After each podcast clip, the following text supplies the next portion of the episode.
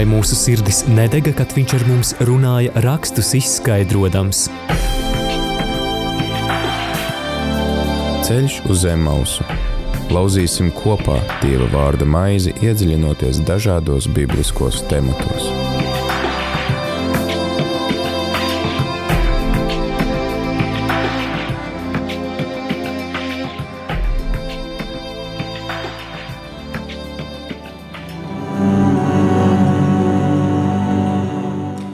Radījumā arī Latvija klausītāji ir 4 un 1 minūte 4.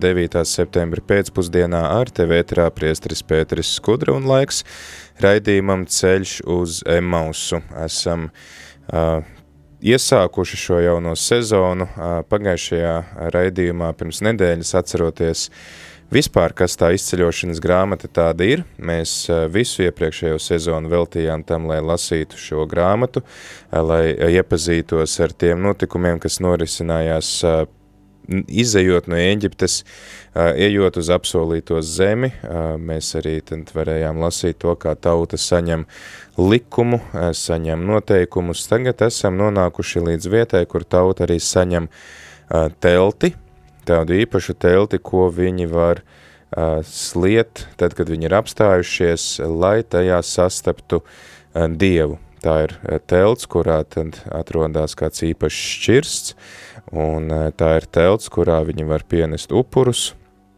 telts, kura ilgi būs Dieva mājoklis līdz tad karalis Salamans būs tas, kurš uzceļ jau īstu templi ar mūriem, ar jā, tādiem, eh, kuru, kuru viena siena ir joprojām palikusi šis raudu mūris, eh, pirms tam tad eh, Dievs mājoja teltī, un tad par šo telts nozīmi mēs par šo sajiešanas telts celšanu un norādījumiem, ko mūzes saņem, lasam izceļošanas grāmatas 26. Eh, nodaļā. Šodien kopā ar mums, eh, kā ierasts ceļā uz Emmaus, ir arī kāds pavadonis, kas eh, mūs pavada, un šoreiz tas ir mācītājs Uģis Palo. Labdien! Droši tuvāk runāt mikrofonam, lai mēs labāk dzirdam. Uh, jā, Uģi, uh, mēs uh, lasam lasam izceļošanas grāmatu, vai tu esi gatavs tad uh, doties ar mums ceļā pa 26. nodaļu? Jā, Brīnišķīgi klausītāji, tad aicinu tevi sameklēt svētos rakstus, vai nu tā būtu kāda aplikācija, vai arī tad svēto rakstu grāmata, bībele, un šķir vaļā otro mūzus grāmatu, izceļošanas grāmatu 26. nodaļu. Izlasīsim, kas tur ir rakstīts, un tad mēģināsim arī saprast, kā tas attiecās uz mums, un ko mēs no tā visa varam saprast šodien.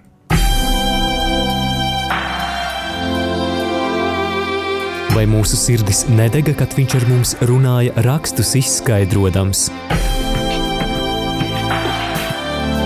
Ceļš uz zem mausu. Lauzīsim kopā Dieva vārda maizi, iedziļinoties dažādos bibliskos tematos.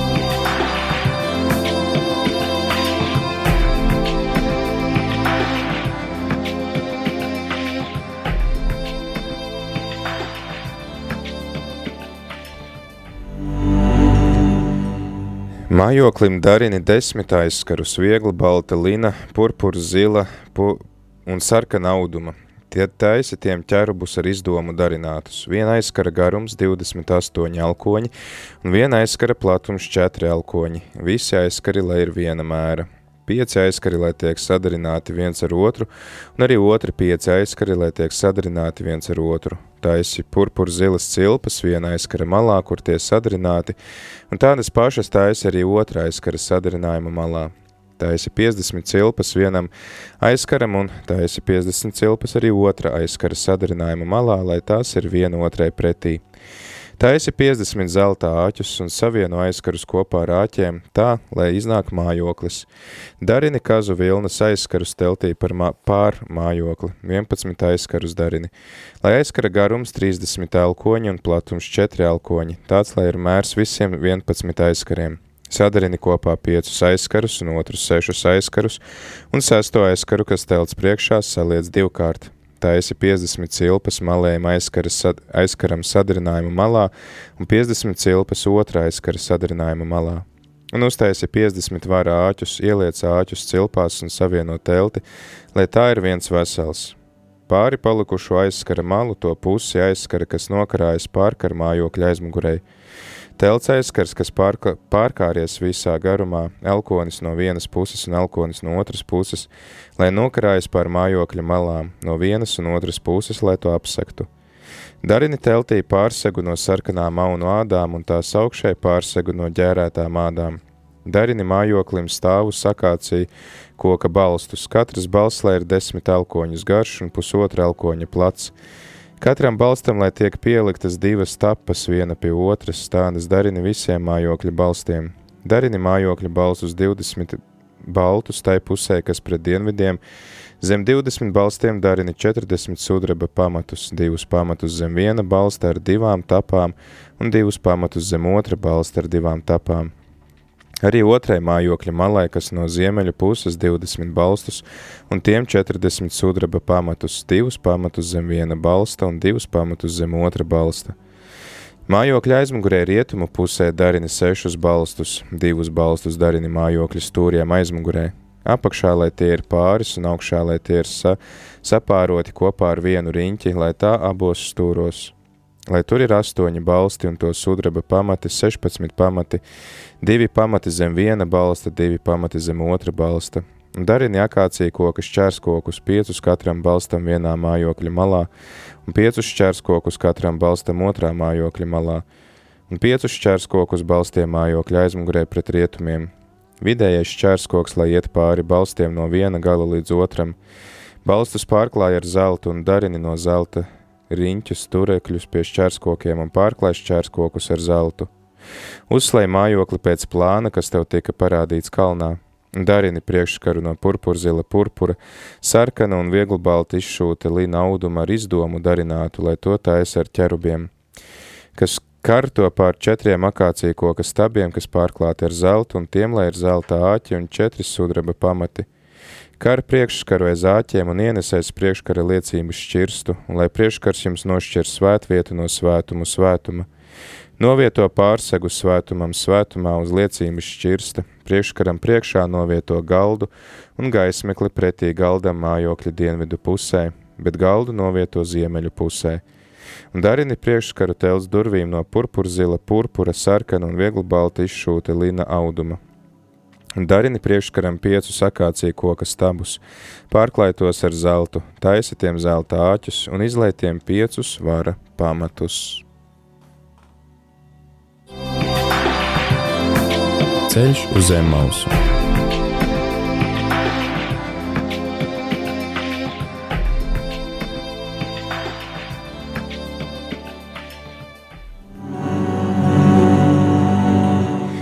Jā, esam izlasījuši izceļošanas grāmatas 26. nodaļu. Atgādinu klausītāji, ka noteikti arī paļaujamies uz tavu iesaistīšanos šajā sarunā. Var zvanīt uz numuru 679 691 131, vai arī rakstīt īziņas uz numuru 266 77 272. Priecāsimies par to, ka tu arī padalīsies ar to, kā tevi uzrunās šis, šī rakstu vieta, vai arī tad tu vari padalīties ar tiem jautājumiem, kas tev rodās lasot vai klausoties, tad arī šos komentārus, par kuriem mēs runāsim. Un cerams, ka mēs ar mācītāju Uģi, kas šodien ir ciemos pie mums, nepaliksim vieni paši, tad arī dzirdēsim jūsu balsis vai saņemsim jūsu ziņas, lai varam visi kopā tad iesaistīties šajā sarunā un dalīties ar to, kā Dieva vārds mūs uzrunā. Man pašam lasot šo rakstu vietu, liekas, ka tagad sākās, nu tā, ja tās mūzus grāmatas līdz šim bija ļoti interesantas, tad tagad sākās nu, tāda garlaicīgā daļa. Jā, tā tas reizēm ir, un tad, kad mēs nonākam pie dažādiem tiem aspektiem, ko sauc par visu vardarbību, jeb kariem un, un, un visu šo, tad liekas, par ko tā bībele vispār ir.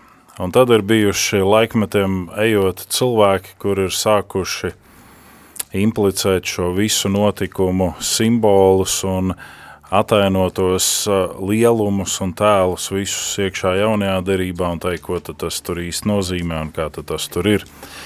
Un, un katram riņķim ir atrasts savs pielietojums jaunajā derībā, un katram pamatam un paliknim ir savs pielietojums.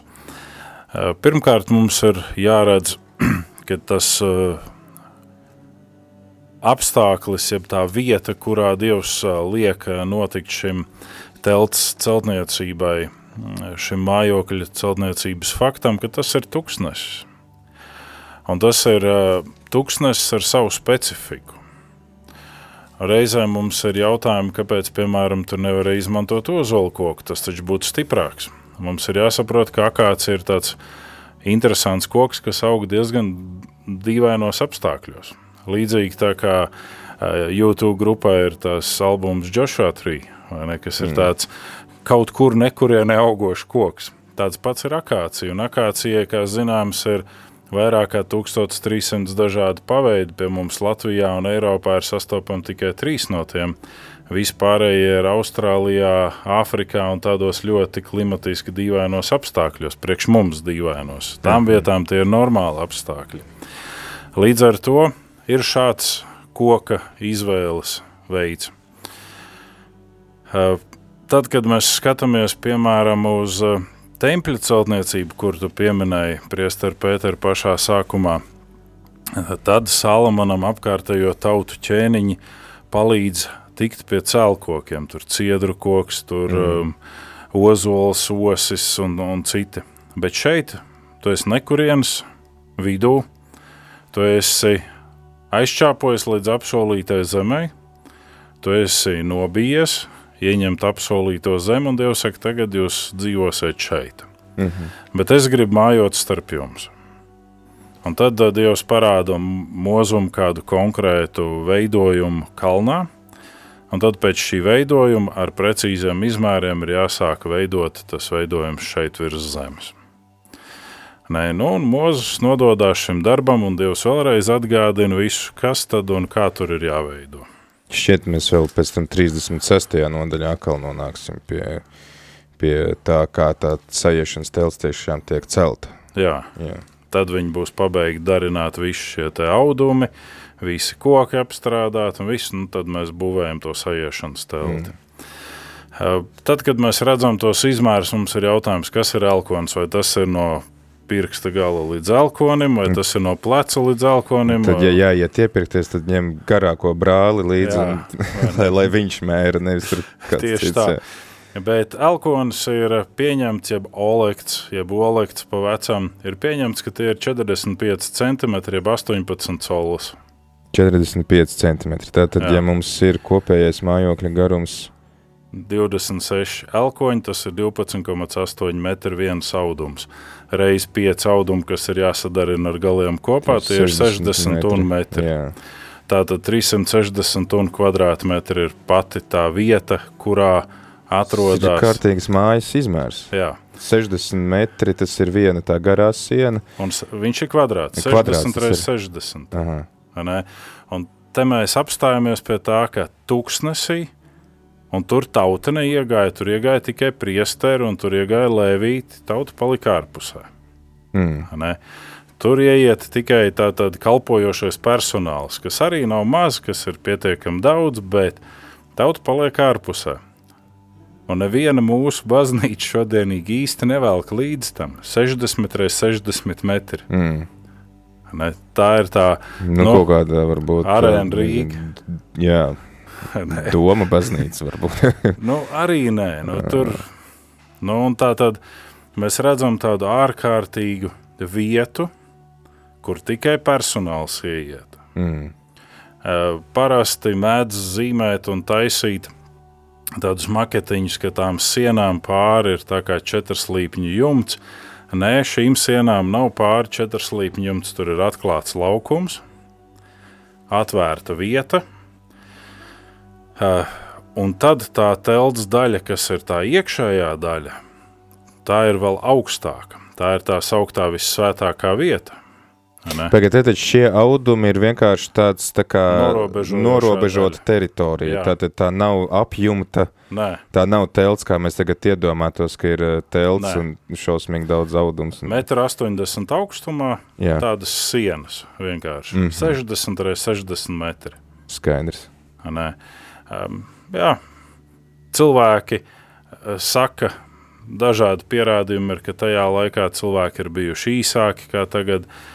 Pēc daudziem citiem pierādījumiem savukārt var spriest, ka cilvēki ir bijuši garāki kā šobrīd. Jo, ja mēs aizejam uz aizrobežu mākslas muzeju, mēs redzam mūzu statuju, par kuru ir teikts, ka tā ir mūzu statuja dabiskā lielumā.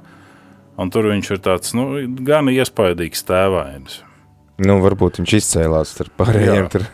Bet, jebkurā gadījumā tā siena ir tāda nevis, lai tu neredzētu pāri, bet lai tu redzētu, kas notiek, bet tu paliec nošķirts no tās vietas, ka pats ieiet tur tu nevari. Tātad, ja mēs runājam par sajiešanas telti, par mājokli, kas ir pirmajā pantā, tas mājoklis ar desmit aizskariem, tātad tā ir norobežota teritorija no pārējās apmetnes. Jā, jā. Tātad viņa nav zem jumta, ir vienkārši tā teikt norobežota ar audumiem. Skaidrs. Tad, un tad, tad ir tie balsti, kas tiek izmantoti, ar ko šie aizskari tiek sajūgti kopā ar dažādiem vara un zelta āķiem, bet tad ir arī mājoklis 30. pantā ir teikts, uzslēj mājokli pēc plāna, kas tev tika parādīts kalnā, un tur jau ir runa par nu, tādu telti, kas tomēr, mēs lasījām, ka ir kaut kāds pāri jumtam šis audums, kas vēl pēc tam nokarājās tā pāri zemē brīvi. Tā ideja ir, ka nav atsevišķi sienas un atsevišķi jumts, bet ka no viena gala nāk pārlikts pārklājs pāri mm. jumta daļai un pārkarājās uz otru daļu. Tā kā tāds pilnīgs pārklājs. Mm. Tā kā mūsu baznīcās altāra sega tiek uzlikta tā, ka viņi iet abās pusēs pāri. Aha. Ne? Un viņi ir vienādā garumā vienā pusē un otrā pusē, un vēl tur paliek kaut kādi 45 cm atloki. Bet tātad es pareizi saprotu, mums ir norobežota teritorija, 360 kvadrātmetri vismaz, un tad iekšā tajā teritorijā ir tomēr reāli telts, kā jā, mēs saprastu jā, telti. Jā, reāli tā kā, nu tāds, nu ne tā kā telts ar slīpu jumtu, bet ar taisnu jumtu tāds kvadrāts, tāds, tāds mauzolejs. Skaidrs, un tad tie balsti, par ko mēs lasījām, astoņi balsti vienā pusē, astoņi, tad, tad tas būtu tāds koka karkas, kam jā, pāri ir jā. karājās milzīgi audumi. Jā. Un cik liels tas bija? Tas bija augstumā, tas bija četras reizes augstāks kā sienas. Metrs 80 reizes 4. Jā. Wow. Nē, tas ir nu, pietiekami iespaidīgs. Tā neko telts. Un tā ir tā telts, par kuru ebreju kultūra saka, ka šajā teltī mājo pats Dievs. Tad ir septiņi ar kaut ko metri. Jā. Uh, tas izklausās diezgan nereāli. es mēģinu iedomāties vienkārši tos balstus, nu, kas jātaisa. Mēs tagad iedomājamies svētceļojumā slējām teltis, jā, tur ir uh, cilvēks var nostāties uh, un aizsniegt to jumtu, septiņi metri tas ir, uh, wow. Savā laikā mēs uh, taisījām jauniešu nometnes pļavas vidū un bija uzslieta armijas lielā telts, mm. cik tur 250 vietīgi vai, un tur bija 4,5 metri vidējie balsti, 3. Mm. Un tad, kad stiepa to jumtu un visu pārējo tikko uzpūš mazākais vējš, tur pat nevajadzēja lielu tā visu tā telts, tur viņi nevar nostiprināt sākotnēji. Mm. Ne, nu, līdz ar to tas ir diezgan iespaidīgs veidojums. Un, un tas vēl viss ir jāstiep līdzi, jo viņi vēl kustās tā nometne. Bet eh, nu, tā kustība nav tā kā mūsu svētceļojumi, kas notiek, uh, ka mēs katru rītu ceļamies un ejam. Mm.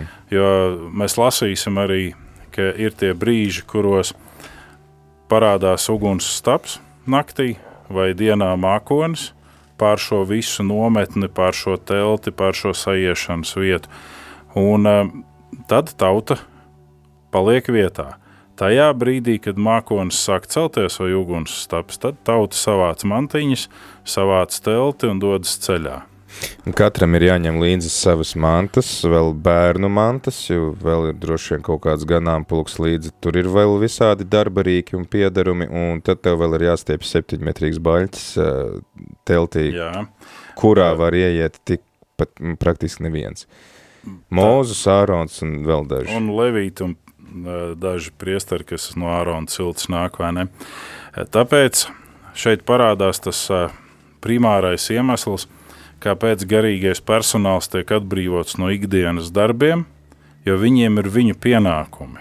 Un šajā konkrētajā tūkstneša ceļojumā garīgā personāla pienākuma nav tikai ejot dziedāt un uzmundrināt visu tautu ar dziesmām, bet garīgā personāla pienākuma ir stiept šos septiņmetrīgos baļķus, stiept visus tos ruļļus ar audumiem, mm.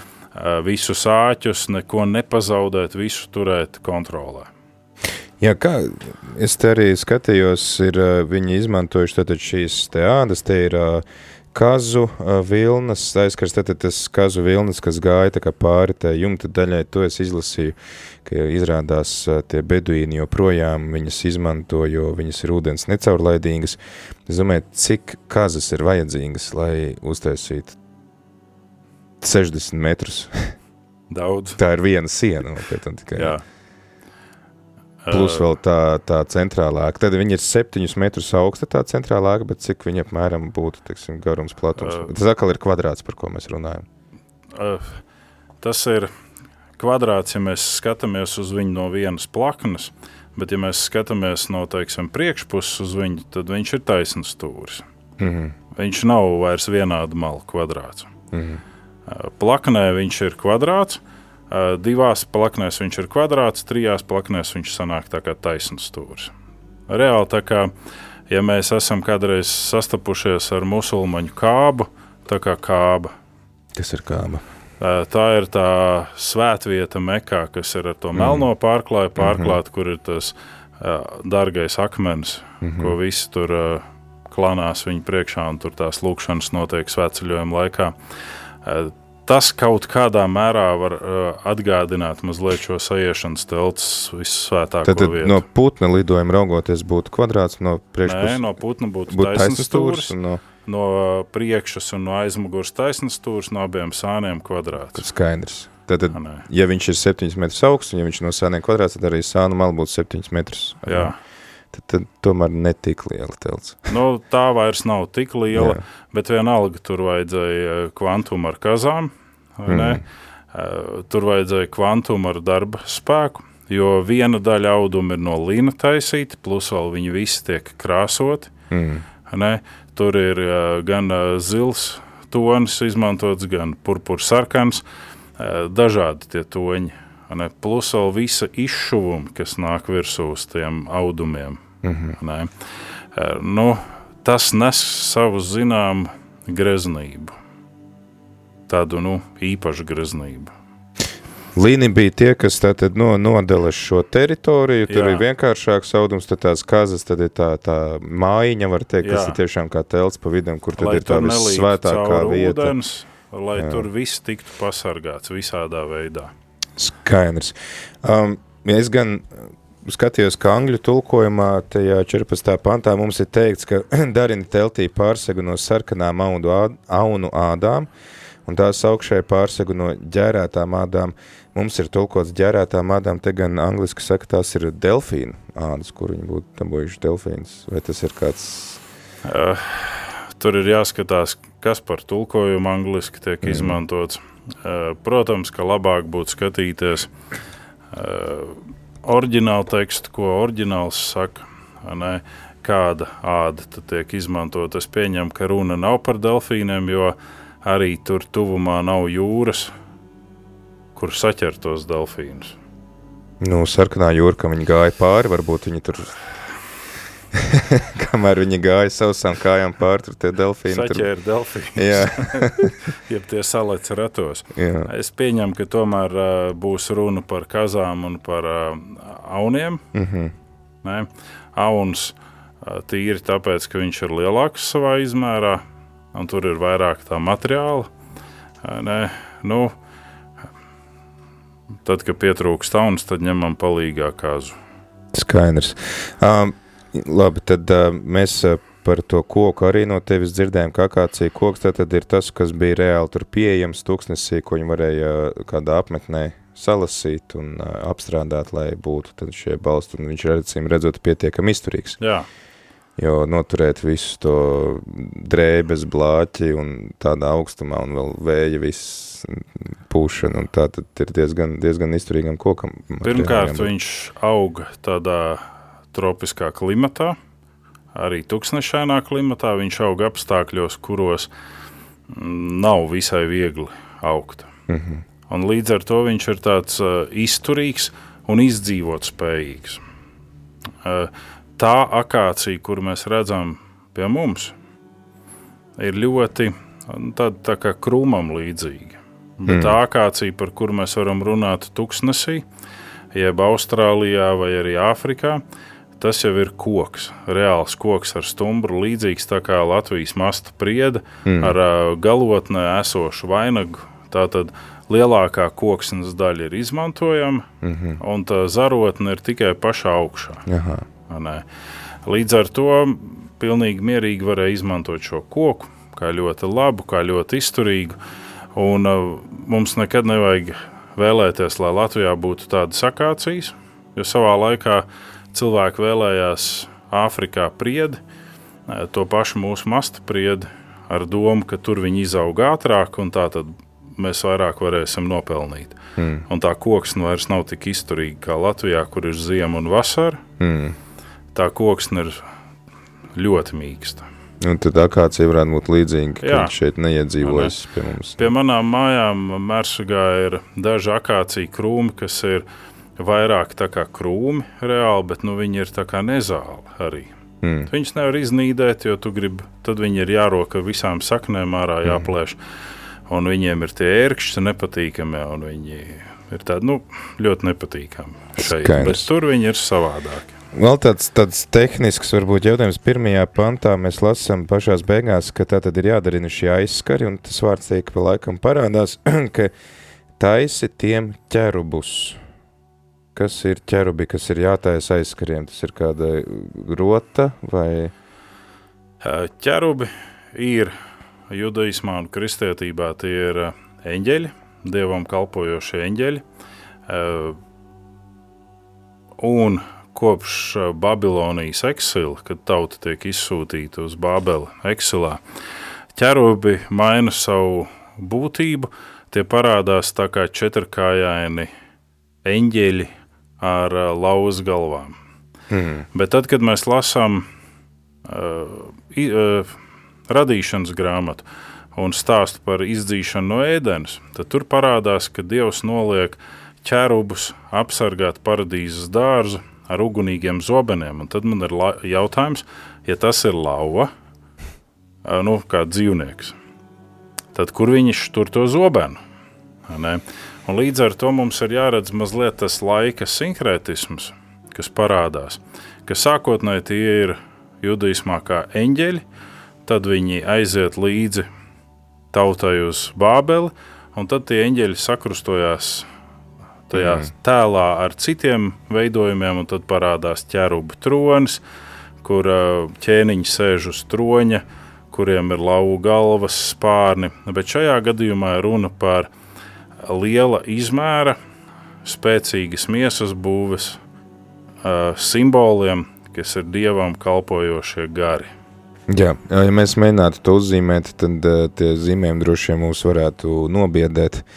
Uh, īpaši, ja vēl mēs parunātu par serafiem, kas ir vistuvāk stāvošie, kuriem ir tikai spārni un tikai acis. Ja, Jā. tad, ja to mēģinātu tā vizualizēt, tad varētu padomāt, ka wow, vai tiešām tas ir eņģelis, kas kalpo Dievam. Un kāds tur skaistums, vai ne? Jā. Saka, oh, tāda godība, Bet uh, no otras puses, nu, mums jāatcerās to, ka eņģeļi uh, ir uh, garīgas būtnes bez miesām, un tad vispārējais ir tikai mūsu iztēle, kas varētu būt varens un kas varētu būt dievam tuvu stāvošs, bet jā, kaut kas ļoti un, bezformīgs. Un... Varbūt arī šajā bezformīgajā veidojumā kā lauva var ietilpināt arī ugunīgu zobenu un visu kaut ko citu, vai ne? Mm -hmm. Es ar savu cilvēcīgo tēlu pieņēmumu saku, nu to nevar. Dievs var visu, ne? Bet uh, lielākās liecības runā par to, ka tas nebija četrkājains eņģelis ar lauvas galvu, bet tas bija eņģelis kā eņģelis ar uh, spārniem, spēcīgas miesas būvs, bet ļoti saudabīga izskata. Jā, tad, tad tie būtu rotājumi, jā, jā. kas skaidrs. Uh, nu ko, klausītāji, mēs esam iepazinuši apmēram, kā varēja izskatīties šī telts un uh, tad, tad tā ir norobežota, par mājokli mēs runājam, tā ir norobežota teritorija, kurai pa vidu tad atrodas telts, ļoti augsta telts, augstumā 7 metri un tāpat arī tad garumā 7 metri, platumā mazliet šaurāk, un mēs arī tad mēģinājām saprast, kā viņa tika veidota. Noteikti, ka arī tev varbūt ir kādi jautājumi, kādi komentāri, tad droši vari zvanīt uz numuru 67 969 131 vai arī rakstīt īziņas uz numuru 266 77 272. Var arī tad uzdot kādu jautājumu vai padalīties ar to, kā tevi uzrunā šī rakstu vieta, vai varbūt kā tu iztēlojies, ķerubus, jā, tad arī var droši padalīties ar mums. Iespaidīga celtne, iespaidīga vispār tāda, varētu teikt, ņemšanās, ņemot vērā to, ka tu esi svētceļojumā un, un jādomā par to, kā parūpēties par ģimeni un iztiku un vispārējo, un vēl tik daudz enerģijas ielikt šim, šai teritorijai, šai teltī, tad noteikti arī parunāsim par to, kāpēc tā jūdiem ir bijusi tik būtiska. Bet par to visu pēc dziesmas – zvani, raksti, labprāt, tad arī uzklausīsim tevi. Ceļš uz zem mausu.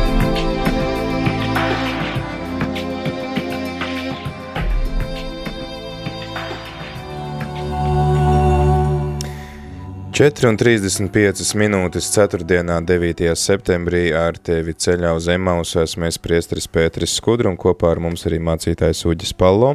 Runājam par izceļošanas grāmatas 26. nodaļu par šo iespējīgo norobežoto teritoriju, kurā jūdi varēja iet pielūgt Dievu, pienest upurus, un kurā tad arī bija šī īpašā telts, kurā arī bija iekšā nodalīta un kurā stāvēja liecības šķirsts. Uh, tur bija arī gaismeklis, galds, un galda uz galda tad arī ir, ja es pareizi esmu sapratis, tad šķirsts, vai ne? Jā. Un kas tajā šķirst atrodās un kāpēc tas ir kaut kā īpaši jānorobežo? Tas šķirsts ir kā lāde, no koka veidot, pārklāta ar zeltu, pārvilkt, apzeltīta lāde. Eh, un šajā šķirstā atrodas iekšā uh, dieva desmit baušļi, jeb tās akmens plāksnes, uz kurām bija rakstīti šie bauslības likumi. Līdz ar to mēs redzam šo derības saistību Un iemesls, kāpēc uh, tā lāde ir tik īpaša, tāpēc, ka tā ir dieva derība ar cilvēku. Līdzīgi tieši tāpat kā mums evaharistija ir ļoti īpaša. Mm. Ja tā ir dieva derība ar cilvēku. Jēzus saka, šī ir jaunā derība manās asinīs. Un tā ir tā iepriekšējā derība, kurā parādās šie likumi. Un uh, lāde ir īpaša, jeb svēta, jeb nošķirta dievam, tāpēc tā lāde atrodas īpašā vietā, nevis kaut kur mētājās. Lāde mm. ir kaut kas tāds šajā uh, dieva sistēmā, kas veica arī brīnumus zināmos brīžos. Zināmos brīžos lāde pat izsauca nāvi. Tajā... Piemēram, tā, ka viņu pārnesa un tur nogrīļojās, un jā, kāds jā. gribēja atbalstīt, lai nenokrīt, viņš uz vietas bija. Nē. Un savukārt tad, kad uh, Levīti gāja ar lādu uz pleciem, tur bija tāds speciāls kārts, ar kur to lādi nes, ar kuru palīdzību, un Levīti iegāja Jardānā ceļā uz Jeriku. Tad nu, Jardāna apstājās, apstājās tecējumā. Pirmais dambis. Jā, ne. Un, eh, un mēs redzam to, ka tā lāde ir ļoti īpaša. Un uz šīs lādes vāka mūzum tiek atklāts, ka tur mājo pats Dievs. Mm. Ne? Mēs zinām pēc eh, šodienas, ka Dievs mājo visur. Mm. Bet cilvēkam ir nepieciešamība pēc tās vienas konkrētās vietas, kurā tad mājo tas Dievs.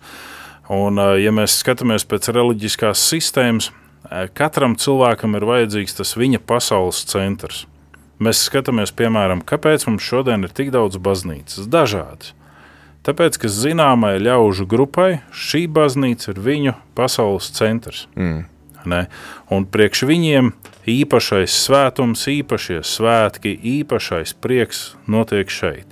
Viņi var aiziet uz citu vietu, bet viņi nepiedzīvo to, ko viņi piedzīvo šeit. Izraēla tauta piedzīvoja īpašu dievu klātbūtni šeit. Tajā brīdī, kad ļaudis nāca nesvēti, grēcīgi, ļauni, tuvojās uh, sajiešanas teltī, tuvojās šim svētumu svētumam, izšāvās uguns no lādes un viņas aprīja. Mm. Ir gadījumi, kur uh, Ārona dēli saņem pērienu no Dieva. Līdzīgi, ne, jo tuvojās nesagatavojušies. Brīdī, kad ir šī menora, tas ir tas gaismeklis ar tiem septiņiem žuburiem, kur deg tās lampiņas. Tas, ko tagad cilvēki adventa laikā liek sev jā, logos, jā. kaut kas līdzīgs. Tāds. Uh, un, un, un tā tad ir šis gaismeklis, un ir vēl citi gaismekļi, un Dievs ir pateicis, ka tiem priesteriem, kas ir naktas sardzē, ka tiem ir jāuzmana, lai šis gaismeklis nepārtraukti degtu. Lai uz altāra nepārtraukti būtu uguns. Tas ir tas arī, kāpēc, piemēram, katoļu baznīcās ir šīs sarkanās lampiņas, kas simbolizē Dievu klātbūtni. Tā ir tā nepārtrauktā uguns. Mm. Kāpēc ir, teiksim, šis sarkanā lampiņa, jeb lukturītis, jeb sveča gaismiņa, un saka, nu, no šīs sveces neaizdedz savu sveci. Mm. Vismaz ne katru reizi. Tāpēc, ka tas ir kaut kas īpašs, kaut kas mm. svēts, vai ne? Čaļi bija izklaidīgi, uguns apdzis. Teicu, nu kas tad neviens jau te neredz, vecākie vīri ir pagājuši nost, paņems jebkuru uguni piešaus klāt. Mm. Un Dievs sodīja, Līdz ar to mēs redzam, ka šī lāde ir kaut kas ļoti īpašs, un Dievs nosaka savai tautai caur mūzu, ka lūk, šajā īpašajā teltī, septiņu metru augstajā teltī, ar šo lādi, ar šo visu vāku, ar visu, visu, visu kas tur ir, tur atradīsies svētums, svētums. Tur tā kā viņš pats būs klātbūdams. Mm -hmm. Jā, mēs uh, arī vēstulē ebrejiem varam redzēt atsauci uz šo uh, telti, kas arī ir kā tāds priekšvēstnesis tam templim. Atgādini klausītāji, ka arī tu joprojām var iesaistīties šajā sarunā, un ja gadījumā tev, tu esi tagad, nezinu, ceļā, mašīnā vai kā, nav laika īpaši uzdot kādus jautājumus vai rakstīt, kā tevi uzrunā šī rakstvieta, tad vismaz uzraksti mums īziņu, vai tev ir noderīgi vai nav noderīgi tas, ko mēs šeit pārunājam. Tas vismaz mums palīdzēs ar mācītāju uģi saprast, vai esam gana labi sagatavojušies raidījumam, vai tas klausītājiem arī palīdz labāk saprast šo rakstu vietu. Tur iekšā, tad tu sacīji, bija tajā lādē, bija akmens plāksnes, un tad es arī lasu tajā vēstulē ebrejiem, ka arī tad Ārona zizlis un uh, manna, ko viņi lasīja pa ceļam. Jā, tas jau ir vēlāk, tad jau, kad šī lāde nonāk templī. Mm. Uh, tad uh, ievietojās manna, jo tas ir kaut kas tāds, kas ir pilnīgi atšķirīgs no tā, ko mēs ēdam šodien.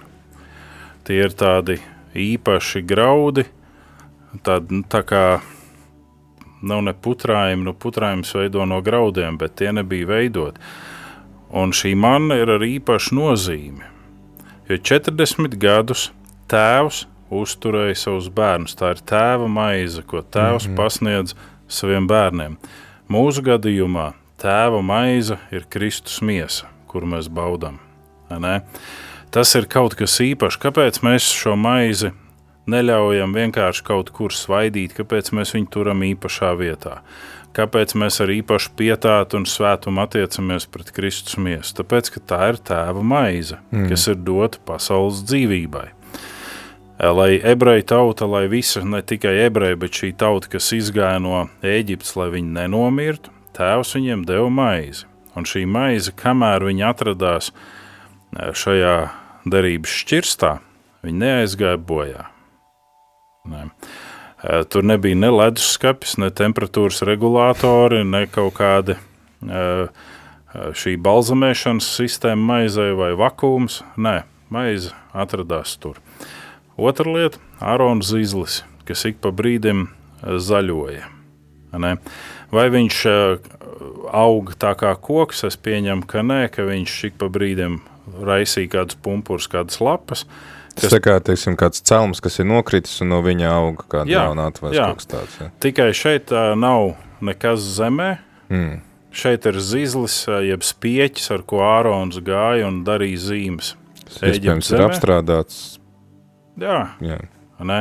varbūt vietām pat nomizots, varbūt mm. tas pats akācijas koks vai kāds cits, kas ir pieejams, uz kura Ārons kā gans atbalstījās, un tad viņš devās pie faraona un ar šo zižļa palīdzību Dievs darbojās un notika brīnumi.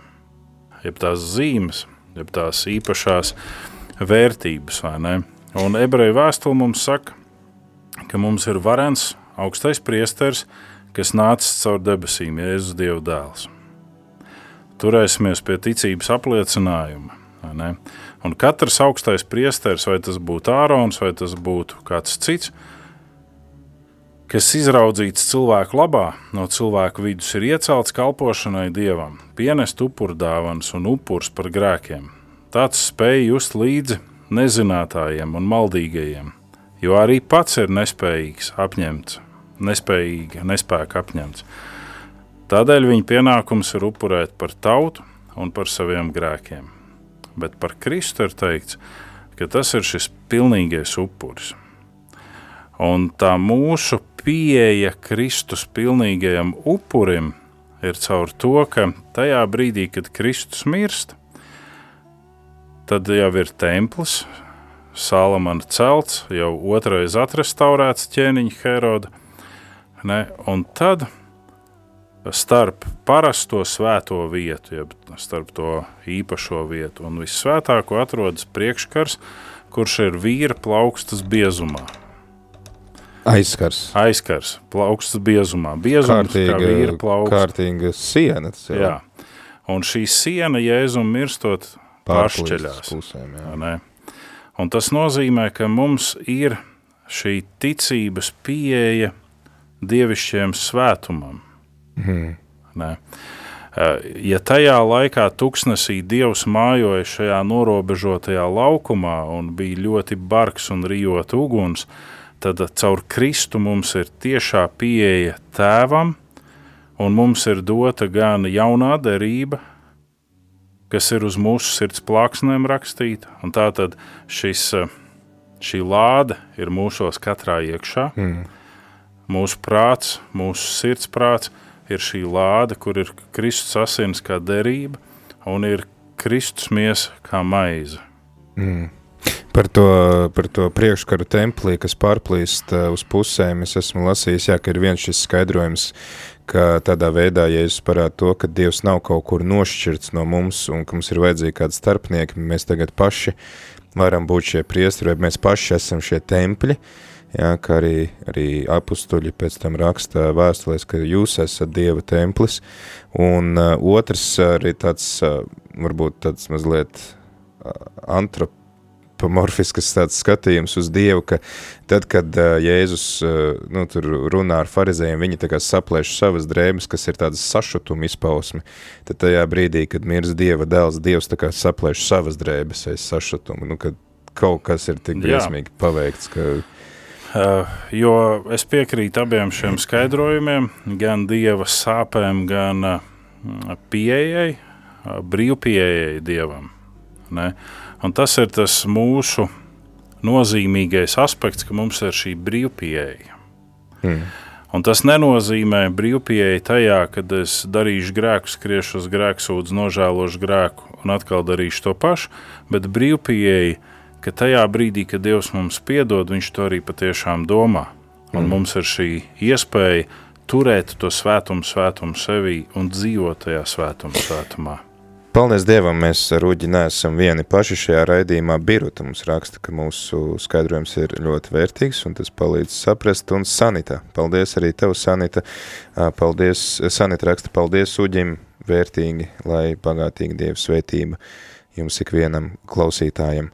Ļoti interesants stāstījums. Jā, mums pamazām ir, paldies dāmas, paldies, ka arī Patiešām iesaistaties paldies. sarunā un mēs nejūtamies vairs tā, ka runātu te divi vien ar sienu un vēl skatāmies video, kur redzam tikai paši sevi, bet, bet reāli ir, ir klausītāji, kas mūs klausās un kas mūs dzird un kas arī seko līdzi. Um, tu vairāk kārt pieminēji uh, to Jēzus klātbūtni, teiksim, mēs kā jaunās derības cilvēki lasot šo 26. nodaļu, it kā, liekas, tas ir kaut kas vairs tik ļoti neaktuāls. Uh, bet mm. tāpat laikā uh, interesanti ir teiksim tā, lasot latviski, mēs to palaižam garām, bet ja mēs lasītu grieķiski, piemēram, Jāņa evaņģēlī pirmo nodaļu, kur, kuru mēs lasam Ziemassvētkos, ka vārds bija Dievs un uh, vārds tapa miesa un dzīvoja starp mums, ja šis dzīvoja starp mums, tiek izmantots tieši tas vārds, kas apzīmē šo sajiešanas telti. Jā. Ka Dievs tā kā ieteltojās uh, mūsu vidū, ja. Uh ja mēs skatāmies šajā kriptiskajā izteiksmē, ka ķermenis ir kā telts un Dievs iemājo Kristu kā teltī. Mm. Visa Dieva pilnība, to arī raksts saka, iemājoja Kristu. Mm. Tāpēc mēs viņu saucam par iemiesoto Dievu. Ne? Kad Dievs iemiesojās šajā māla teltī, jeb šajā uh, veidojumā, kas ir miesa un atradās starp mums. Dievs uzcēla savu telti cilvēku vidū.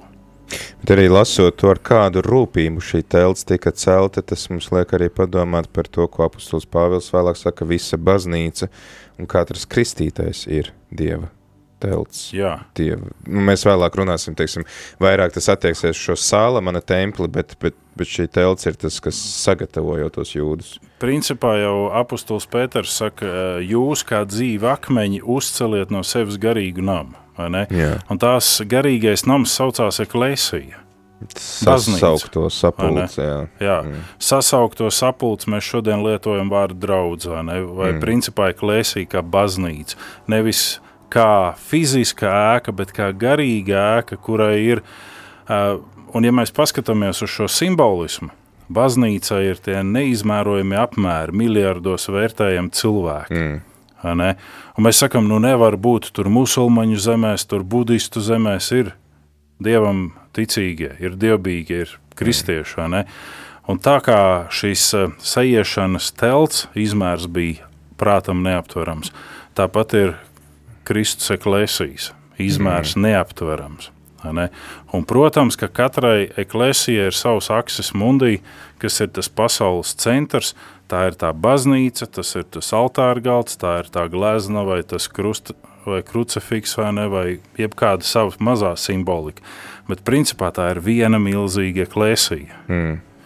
Jā, un, un, tad arī teiksim, tā cieņa, kuru pienākās parādīt, teiksim, šeit ir šī uh, nu, telts šī teritorija, kuru jūdi ar lielu rūpību uzturēja un, un veidoja, tad arī tā attieksme pret to telti, kas šobrīd ir tā, tas dieva mājoklis, es, tu, katrs klausītājs, katrs cilvēks, un arī nekristītie, kas, kuros dievs vēlās mājot. Tieši ja? tā.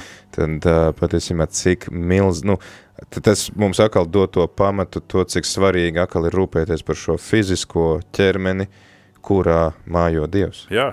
Jā. Pāvils gan nosaka, ka neaizraujies ar to, bet tas mm. ir ļoti nozīmīgi. Un viņš saka, ka katrs kopja un rūpējās par savu ķermeni. Mums ir nozīmīgi kopt un rūpēties, mums ir nozīmīgi mazgāties, mums ir nozīmīgi apmeklēt doktorus, kad mums nav labi ar veselību, vai profilaktiski. Mums ir nozīmīgi rūpēties par tiem, par kuriem, kuri paši par sevi nevar parūpēties. Veci slimi, nabagi, jā. bēgļi, bērni. Jā. Par, par visiem. Mēs esam šī telts, šis svētums, svētums. Mm. Mēs esam daļa no tā. Ne? Un ja mēs salīdzinām šo pasauli ar tūkstnesi, kuram mēs ceļojam cauri uz mūžīgo tēvī, tad mēs esam tā telts, reālā telts. Man liekas, arī tāds uh, varbūt rezumējums vai, vai atziņa, ko mēs varam paņemt, ir tas, ka uh, neskatoties arī uz to, ka jā, šodien ir šī atziņa par to, ka mēs katrs varam pielūgt, pirmkārt sastapt viņu paši sevi, tas nav tā, ka cilvēks ir tagad, nu, pats Dievs, viņš skatās sevi, bet, bet viņā mājo Dievs. Uh, mums tomēr ir, kā fiziskām būtnēm, tomēr ļoti būtiska šī vide vai telpa, kas mums palīdz apzināties arī paši. Man liek prātā to, ka cik tas ir tomēr arī dziļi tā mūsu instinktos ielikts, ka tad, kad pirms diviem gadiem, man liekas, drīz būs precīzi divi gadi kopš uh, Notre Dame de Paris aizdegās, un, un ka visa pasaule bija, hei, kaut kas, kaut kas, nu, arī uh, arī cilvēki, kas varbūt nav ikdienā ar baznīcu saistīti, viņi teiks, ne, tas ir kaut kāds ļoti būtisks simbols, kuru nu, nevar tā vienkārši atļaut tā. nodegt. Uh, es nevienu brīdi neesmu teicis, ka mums vajadzētu mukt no mūsu lokālajām baznīcām. Mums tur ir jābūt, jo to jau nozīmē klesī sasaukto sapulci, sadraudzību. Kaut kur viņiem ir jātiekās. Jā. Un uh, tad, kad mēs lasām šo simbolu par šiem aizkariem, Viņi visi tiek sašūti kopā un sastiprināti ar kokiem, sastiprināti ar trosēm, ar virvēm, ar visu kaut ko. Jēzus runā par šo miesu, kas tiek palīgi saitēm saturēta. Mm. Ne? Tas ir visas tās palīgi saites, un tad, kad ir runa par templi, tad priekš ebrejiem tā ir dzīva būtne. Mm. Nav tas, ir viņš, mm. templis. Ne? Un līdz ar to ir ļoti viegli implicēt tempļa figūru cilvēka ķermenī. Mm. Un jautājums, vai mums mūsu baznīca ir dzīves ķermenis vai mm. nē? Jā, jo tad, uh, tas, teiksim, tas, kā es sevi redzu kā dieva templi, uh, man var palīdzēt veidot to templi, kurā mēs pulcējamies kā atkal otrādā, ka mēs kā draudzi atkal varam pēc tam paraudzīties, kā es šīs attiecības vai, vai, vai šo pielūgsmi pēc tam ielieku sevi iekšā. Tieši tā. Uģi, liels, liels paldies tev par laiku, ko tu varēji veltīt mums un, un skaidrot šo šķietami garlaicīgo rakstu vietu, kas tur ar ko ir jāsajūdz kopā un cik metri un tā tālāk, bet ir gana daudz lietas, par kurām mēs varam padomāt, kāpēc tas jūdiem tik svarīgi bija, ka ir šī redzamā Dieva klātbūtnes zīme, un mēs varam arī, jā, pārdomāt gan to, kas ir tās lietas, kas man palīdz apzināties Dieva klātbūtni ikdienā, vai tas ir, nezinu, krustiņš ap kaklu, vai baznīca, ko es redzu uz ielas, vai, vai bībeli, ko es nesāju sev kabatā. Un otrs tad, kā es pats sevi un citus cilvēkus redzu, kā Dieva templi, kurā mājot Dievs vai kurā vēlas mājot Dievs. Paldies! Pilnīgi piekrītu. Paldies arī mūsu klausītājām, kas eh, iesaistījās sarunā. Paldies arī tiem, kas neiesaistījāties sarunā, bet klausījāties. Un tad jau pavisam, pavisam drīz dosim vārdu arī raidījumam eh, pasaules tulkošana. Šodien Jānim Udrim, diemžēl nevarēs būt tiešraidē, bet ļoti interesants viesis, kuru daudzi cilvēki noteikti atpazīs, kurš ļoti pazīstams šeit mums Latvijā. Un jā, ceļā uz Emmausu atkal dodamies nākam ceturtdien, pulksten četros. Ceļš uz zem mausu.